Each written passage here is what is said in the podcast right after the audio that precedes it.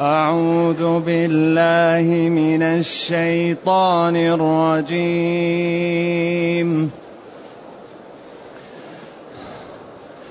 واضمم يدك إلى جناحك تخرج بيضاء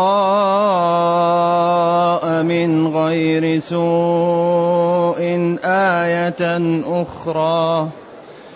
لنريك من آياتنا الكبرى.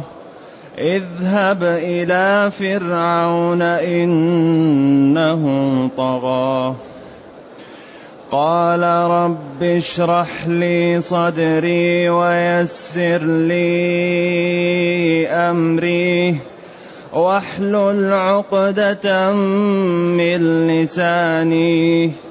يفقه قولي واجعل لي وزيرا من أهلي. هارون أخي أشدد به أزري وأشركه في أمري كي نسبحك كثيرا ونذكرك كثيرا. إنك كنت بنا بصيرا. قال قد أوتيت سؤلك يا موسى ولقد مننا عليك مرة أخرى. إذ أوحينا إلى أمك ما يوحى. أن اقذفيه في التابوت فاقذفيه في اليم. فليلقه اليم بالساحل يأخذه عدو لي وعدو له. وألقيت عليك محبة مني ولتصنع على عيني.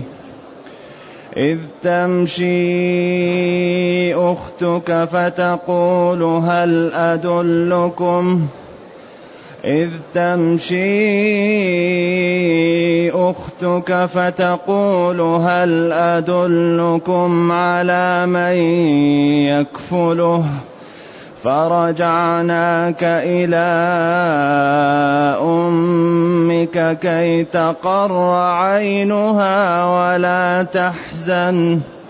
وقتلت نفسا فنجيناك من الغم. وقتلت نفسا فنجيناك من الغم وفتناك فتونا. فلبثت سنين في أهل مدين ثم جئت على قدري يا موسى واصطنعتك لنفسي اذهب أنت وأخوك بآياتي ولا تنيا في ذكري. اذهبا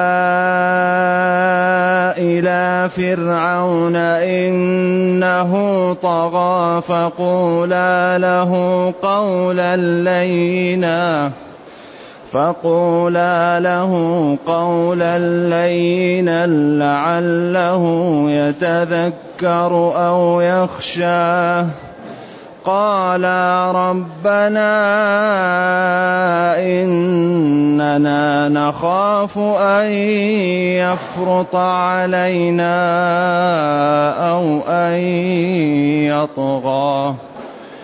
قال لا تخافا. قال لا تخافا. إنني معكما. إنني معكما أسمع وأرى. الحمد لله الذي أنزل إلينا أشمل كتاب وأرسل إلينا أفضل الرسل وجعلنا خير أمة أخرجت للناس. فله الحمد وله الشكر على هذه النعم العظيمة والآلاء الجسيمة. والصلاة والسلام على خير خلق الله وعلى آله وأصحابه ومن اهتدى بهداه. ما بعد فإن الله تعالى يقول لنبيه وعبده موسى واضمم يدك إلى جناحك. هذا يسمى الجناح هذه الأماكن الطرف الذي يكون بين الأبط وتحت الثدي. وهو ما بين العضد إلى هذا المحل يسمى الجناح. واضمم يدك إلى جناحك تخرج اليد بيضاء من غير سوء. أي بيضاء فيها النور من غير سوء من غير برص ولا تشويه. وهذه أيضا معجزة أخرى آية أخرى. إذا أرسلتك إلى فرعون بهذه البراهين والأدلة. ف وطلب منه أن يؤمن وأن يرسل معه بني إسرائيل. أن يؤمن بالله وأن يترك بني إسرائيل طلقاء لا يقتل ذكورهم ويخدم نساءهم إناثهم. كما هو موضح في الآيات أخرى. آية أخرى. يعني آه، اليد آية أخرى مع العصا. ولذلك الرسل دائما ترسل بالشيء الذي يكون رائجا في زمنهم لأن الشيء الذي لا يكون رائجا لا يفهم ولا يعرف. لكن إذا كان أهل البلد عندهم شيء يعرفونه وهم به بصراء تأتي المعجزة من ذلك الشيء ليفهم أنها معجزة. لأن الذي يفهم المعجزة من يفهم هي من شكلها. أما إذا جاءتهم المعجزة بشيء لا يعرفونه فيكون ذلك مدعاة لعدم فهمها. ذلك في زمن آه، موسى. كان الرائج عند فرعون وفي وعندهم السحر. فأعطي العصا من جنس معجزة لكنها من جنس ما عندهم. في زمن عيسى كان الرائج الطب والعلاج. فأعطي إبراء الأكمة والأبرص وإحياء الموتى بإذن الله. كان في زمن النبي صلى الله عليه وسلم الرائج الكلمة والأسلوب وجمالها وكانت عندهم أسواق سوق مجنة وسوق ذي المجاز وسوق عكاظ وكانوا يجتمعون وبينهم مناقضات وبينهم نقد وكانوا عندهم ناس يحكمونهم أي الأسلوب أجمل. فوصلوا في ذلك إلى الذروة فجاء القرآن من جنس ما كانوا إيش بالأسلوب الجميل حتى يكون مدعاه لفهمه ولمعرفة هذه لذلك كان كل ما يعطى الناس على ما مثله يأمن الناس ولكن النبي صلى الله عليه وسلم أعطي قرآنا يتلى فلعلي أكون أكرهم تابعا. لنريك نوضح لك ونبين لك من آياتنا الكبرى معجزاتنا وأدلتنا الكبرى. العظمى التي يعجز الناس أن يأتوا بمثلها. ثم قال له اذهب إلى فرعون إنه طغى. اذهب يا موسى. هنا قال له الحال اذهب إلى فرعون إنه طغى. أول قال اذهب هنا قال اذهب إلى فرعون إنه طغى. الطغيان هو التكبر والكفر والزيادة في الضلال. إنا لما طغى الماء زاد. والطاغية هو الذي يظلم الناس ولا يقبل الحق ويعتدي عليهم. نعم. إذا الذهاب إلى فرعون لأجل كفره وطغيانه. بعدين قال فقولا له اذهب إلى فرعون إنه طغى. بعدين قال رب اشرح لي صدري. اذهب إلى فرعون إنه طغى. إنه تكبر وتجبر. فقال موسى طلب أربعة أمور وكلها عظيم ورب كريم أعطاه ما طلب. اشرح لي صدري ويسر لي أمري واحلل عقدة من لساني يفقه قولي واجعل لي وزيرا من أهلي هارون أخي. كل واحدة في غاية من الأهمية وتساعده على هذه المهمة العظيمة وهو الذهاب إلى الطاغية فرعون المتجبر وإخباره بأنه عبد وأنه ينبغي أن يتأدب ويطيع الله ويترك ظلم الآخرين. وهو تمرد على ذلك. لذلك من تمرد وشاخ في الطغيان لا يقبل. أبدا. ما يقبل النصح. اشرح لي صدري. الشرح هو توسيع. فمن شرح الله صدره للإسلام فهو على نور من ربه. فويل للقاسية قلوبهم من ذكر. كمن قس الله قلبه وكفره وضلله وذلك فمن يريد الله أن يهديه يشرح صدره للإسلام يوسعه. ومن يريد أن يضله يجعل صدره ضيقا حرجا أو حرجا. حرجا يعني فيه أو حرجا. والحرجة الشجرة التي لا يمكن أن يوصل إليها لأنها تكون في وسط الأشجار. فيكون محلها ضيق فلا, فلا يمكن أن ترعى. يقال لها الحرجة. حرج يعني غاية الضيق لا يمكن أن يوصل إليها. يجعل صدره ضيق حرج لا يحمل شيء ضيق جدا. فيه ضيق لا يمكن أن يدخله خير. ويسر لي أمري وفقني على هذا الأمر العظيم. يسمع كلامي ويفهم مني ويقبل مني. و وكل ما دعوت فهم وكل ما سألت أعطي لي يسر لي أمري. بعدين واحلل عقدة من لساني. الذي يظهر أنه كان في لسانه عدم طلاقة. سواء كانت من الجمرة أو طبيعية أقوال للعلماء والذي يدل السياق على أنه أجيب له بحيث كلامه يفهم ويوضح. لكن هل لم يبق فيه شيء أو بقيت فيه آثار؟ أقوال للعلماء. وقول فرعون يدل على البعض ولا يكاد يبين هل هذا بعد أن حلت العقدة أو قبل حلها. أقوال. لكن قوله أؤتيت سؤلك يدل على أن العقدة واحلل عقدة على أن العقدة زالت. لأنه قال قد أعطيت أوتيت سؤلك يا موسى. الله كريم يقول ادعوني استجب لكم. أي عبد يدعو ربه يعطيه. لذلك ينبغي أن لا ندعو بالشر على أنفسنا وعلى أموالنا وأهلنا. وينبغي أن لا ندعو بالظلم. ندعو على شخص ظالمين لأنه قد يموت وتضمنه. يلاقي وقت إجابة. لذلك الإنسان إذا كان يقرأ وينعس يصلي لا ينام لكي يسب نفسه. فيلاقي وقت إجابة.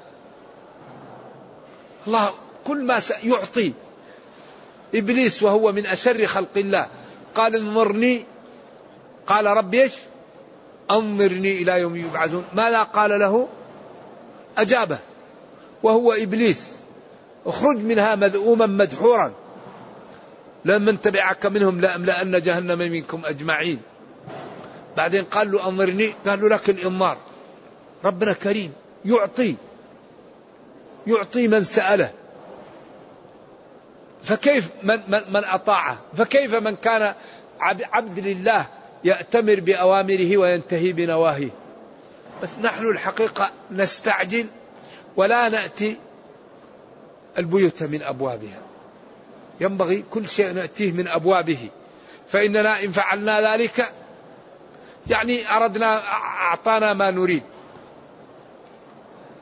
قال الله تعالى لموسى قد أعطيت سؤلك يا موسى. قد أعطيت سؤلك. يشرح لك صدرك وييسر لك أمرك وتحلل العقدة وأخوك رسول معك. شوف الهمة العالية. ما قال أنا أبقى فلوس. ما قال أنا بعدين نبقى إيش؟ نبقى منصب. ما قال أنا نبقى أموال أولاد. نبقى أراضي نبقى بساتين. نبقى ضياع.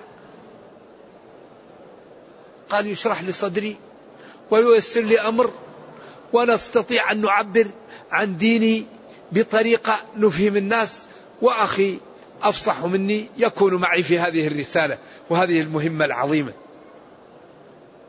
لذلك علو الهمة نعمة يعطيها الله لبعض الناس. تعلو همته. لا تجد يتكلم في الناس أبدا. لا تجد فلان قال لي ولا فلان فعل في. لا تجد يقول فلان قال وفلان فعل. لكن تجده يقول والله البارح كنت أقرأ أشكلت علي آية كذا. كنت أقرأ الحديث وفيه كلمة ما اتضحت عندي. البارح كنت أفكر في فلان مريض كيف نرفعه ليتعالج؟ فلان وفلان بينهم قطيعة كيف نصلح بينهم؟ يفكر في معالي الأمور. لذلك آه، لا, لا, لا ينال الإنسان الفضائل إلا بعلو الهمة فالفضائل ثمار شجر يسمى علو الهمة فإذا لم تعلو همة الإنسان لا يستطيع أن يتحرك. قال الله لموسى قد أعطيت سؤلك. أعطيت ما سألت. يا موسى هذا في نوع من الاحترام والتبجيل قد أعطيت سؤلك يا موسى. وبعدين هذه ليست أول منتي عليك يا يا نبي. أعطيت سؤلك ما سألته أعطي لك. بعدين يا موسى يعني احترام له. وبعدين هذه ليست أول منا ولقد مننا عليك مرة. أمننا عليك قبل هذا مرة أخرى. حين كان فرعون يقتل ذكور بني إسرائيل عند ميلادهم لأنه قال له الكهنة سيولد ولد من بني إسرائيل ويزول ملكك على يديه. فأصبح يقتل يقتل يقتل. بعدين اجتمعت رؤساء جماعة فرعون وقالوا بعدين الكبار يموتون وبعدين لا يبقى لنا خدم.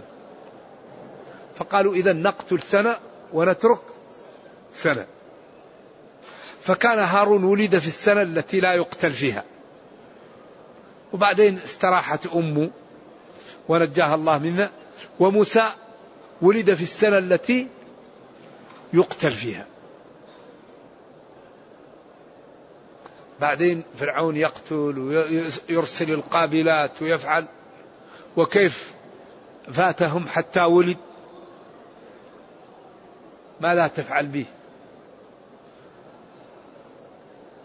إذا أوحينا إلى أمك ما يوحى تعظيم للذي أوحاه. هل هو بالملك؟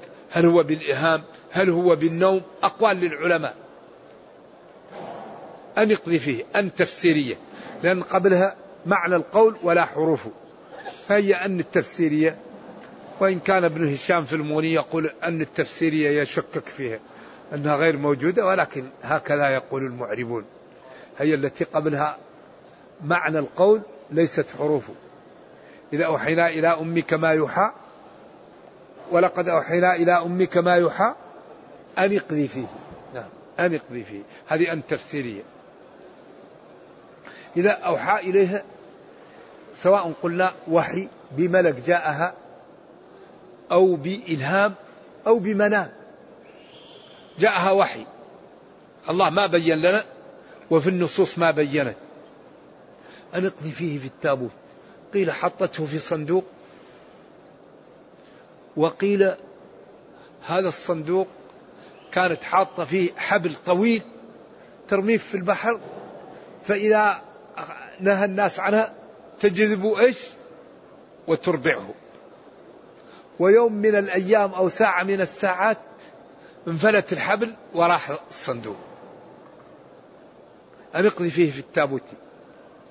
بعدين فلما راح الصندوق مشى بقدرة الله وذهب وذهب وذهب حتى جاء إلى محل قنطرة أو مكان تسقي منه جواري في بيت فرعون. يخدمن آسيا بنت مزاحم. زوجة إيش؟ فرعون. بعدين ذهبوا ووجدوا الصندوق. قالوا انفكوا. قالوا لا لو فكيناه يمكن يتهمون يت... نتهم. أن فيه ذهب أو فيه شيء. لا نفك حتى نأتوا لي لآسيا. فجاءوا بالصندوق. فلما فتحته وجدت فيه طفل. ولما رأته قذف الله في قلبها حبه. فامتلأ قلبها من حبه وذهبت لفرعون فسمعوا هؤلاء الذين عندهم السكاكين أو الشفرات ليذبحوا كل طفل. فقالوا فيه طفل فجاءوا ليذبحوه. فقالت لهم اصبروا هذا الطفل واحد. لو تركناه ما يعمل شيء لواحد طفل. وإنما أصبر حتى نستشير فرعون لعله يتركه لي أنا أحبه. فإن سمح لي فأحسنتم وإن لم يسمح لي قتل سهل. فلما رأى فرعون جبل عليه. لذلك قال وألقيت عليك كل من رآها حبه. قدرة الله. نعم. ما اسمع. الله أعلم. يقول لي الشيطان يحب موسى. قلت له الله أعلم. قال وألقيت عليك محبة مني. أما الشيطان ما أعرف نعم. لأن الشيطان لا يعمل شيء إلا بإرادة الله. نعم. فالله جعل له القبول. وبعدين أمه وقع لها كرب عجيب.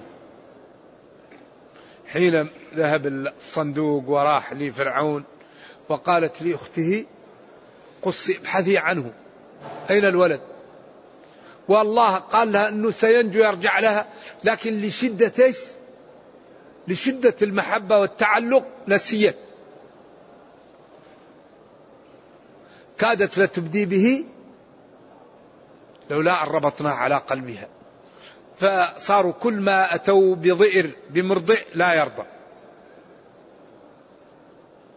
وبعدين أصبحت المرأة تحب حب عجيب فذهبت به إلى السوق تبحث تبحث. فجاءت أخت من بعيد ورأتهم وقالت أنا أعرف لكم وئر. يمكن يقبل يقبلها. فنادوها. فلما جاءت ووضع في حجرها وأعطته الثدي أخذه ورضع. ففرحوا وأخبروا فرعون وأخبروا بيت فرعون. وبعدين قالوا لها تعالي كوني معنا. قالت لا أنا أبقى في بيتي لأن عندي أطفال وعندي عمل. بعدين قالوا لها طيب خذيها عندك. وبعدين أصبحوا يكرموها وتأمن على ولدها. هذا قدرة قدرة إلهية عجيبة. بدل أن كانت خايفة تريد أن ترميه أصبحت يعطى لها المال وتربي ولدها ويأتي الأمن الذي كان في قلبها الخوف عليه لكي لا يقتل. أن اقذي فيه في التابوت فاقذي فيه في اليم فالقم بالساحل يأخذه عدو لي وعدو له. وهو من؟ فرعون. عدو لموسى وعدو لله. نعم. أول الكلام هنا. إذا وحينا إلى أمك ما يحات تعظيم فقلنا لها أن تفسيرية أن اقذي فيه في التابوت. يعني أرمي موسى في التابوت واقذي في التابوت في اليم في البحر. فليلقه اليم بالساحل. فليأخذه عدو لي وعدو له عدو لي اللي هو فرعون وعدو له عدو لموسى من حيث إنه يكرهه لأنه قيل له أن أولاد بني إسرائيل سيخرج منهم من يكون على يده قتله. بعدين قال وألقيت عليك محبة مني. هذه المحبة هي التي حمته. المرأة أحبته وزوجها أحبه والخدم أحبوه وكل من رآها أحبه ينظر إليه. الله جعل له ملاحة جعل فيه. وهذا الشيء يعطيها الله لبعض الخلق ولكن الله يمن على من يشاء. ولتصنع على عيني على مرأى مني وتحفظ وتربى في بيت. يعني ما أهل عندهم المقدرة ليعطوك ما تحتاج وتتربى تربية ممتازة. لا يكون فيها نقص غذاء ولا نقص رعاية ولا نقص حنانة حتى تتربى على الذي أريد منك. بعدين بين فقال إذ تمشي أختك؟ فتقول لجماعة فرعون هل أدلكم على من يكفله؟ بعدين ووقع ما وقع فرددناك إلى أمك. كي تقر عينها ولا تحزن. أيوة. فرجعناك إلى أمك. أيوة. عدناك إليها لكي تقر عينها ويزول عنها الحزن. وقال ونجيناك. وبعدين النعمة التي بعد هذه كون أنك كنت بين بني إسرائيل بين الأقباط وجاء رجل من بني إسرائيل يستصرخ القبطي الذي آذاه وموسى الظاهر كان قوي وفي حدة صلوات الله وسلامه عليه وعلى نبينا. فاستصرخ به الذي من بني إسرائيل على الذي من عدوه وهو القبطي فجاء موسى وضربه جم وكزه فمات. بعدين صاروا يبحثوا عنه. فنجاه الله منهم وكان عندهم القتل. من قتل يقتل. وهو ضرب. متعمد الضرب فمات. وبعدين من الغد فإذا هو نفس الإسرائيلي يصرخ من قبط آخر. موسى لما جاء موسى ليبطش بالقبطي وقال له أنت إنسان كل يوم تقاتل الآية ماذا فيها؟ لا لما أراد موسى أن يبطش لا قبلها.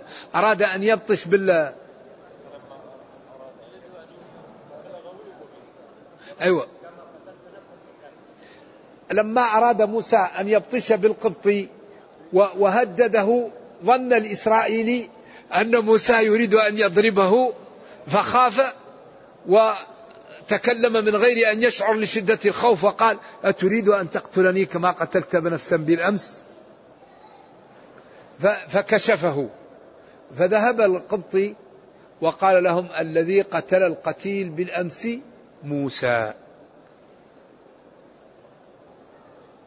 فلما فلما أن أراد أن يبطش بالذي هو عدو لهما قال أراد أن يبطش بالذي هو عدو لهما فظن القبطي أن آه، الإسرائيلي أن موسى يريد أن يبطش به كما بطش بال بالإسرائيلي أمس لأن اليوم يضارب وغدا يضارب وشاف في موسى حدة ففزع وقال أتريد أن تقتلني كما قتلت نفسا بالأمس؟ فكشف أمر موسى اللي هو الإسرائيلي فذهب هذا القبطي وراح وقال لهم من قتل القتيل هو موسى. فسمعها أحد محبي موسى وجاء من بعيد بطريق قريبة وجاء رجل من أقصى المدينة يسعى قال يا موسى إن الملأ يأتمرون بك ليقتلوك. بعدين خرج موسى إلى مدين وذهب وجاء لشعيب وجاء وسقى لهم وقال ربي إني لما أنزلت إلي من خير فقير فجاءت البنت وأخبرت آه، والدها بأن هذا الرجل أمين وقوي. فقال لما لا هو أمين؟ قالت أمين لأنه عندما رآني غض بصره بعدين فلما جاءت الريح قال لي أمشي ورائي ودليني. وبعدين كان يملأ الدلو وهي كبيرة ولا يملأها إلا واحد قوي. عند ذلك لما مدحته البنت يعني والدها فهم وقال له أريد أن أنكحك إحدى ابنتي هاتين على أن تأجرني فإن أتممت عشرا فمن عندك. نعم. ثم إن الآية الآية هنا إيش؟ لا لا هذا هنا؟ نعم. فأخت ذهبت وقالت هل أدلكم على من يكفله؟ فرجعناك إلى أمك كي تقر عينها ولا تحزن. ثم بين النعمة الأخرى. إذا قال له أعطيت سؤلك يا موسى ولقد أعطيناك مننا عظيمة ونجيناك من امتحانات وفتون أيضا عظيمة. إذا هذا فيه بيان لما أعطى الله لموسى. وفيه تسلية للنبي صلى الله عليه وسلم وأنه يصبر لأن الرسل دائما ينالهم هذا الشيء لأنه يعظم لهم الأجر ويكثر لهم المناقب ويدربهم على تحمل المشاق. وقتلت نفسا وهو القبطي فنجيناك من الغم. ما جاءك من الهم وما جاءك من خوف القتل وفتناك فتونا. ابتليناك ابتلاءات. فتون هل هي جمع أو مصدر؟ قولان للعلماء. أيوة هل هي فتون مصدر أو جمع؟ ثم لبثت سنين في أهل مدين. ثمانية أو عشر.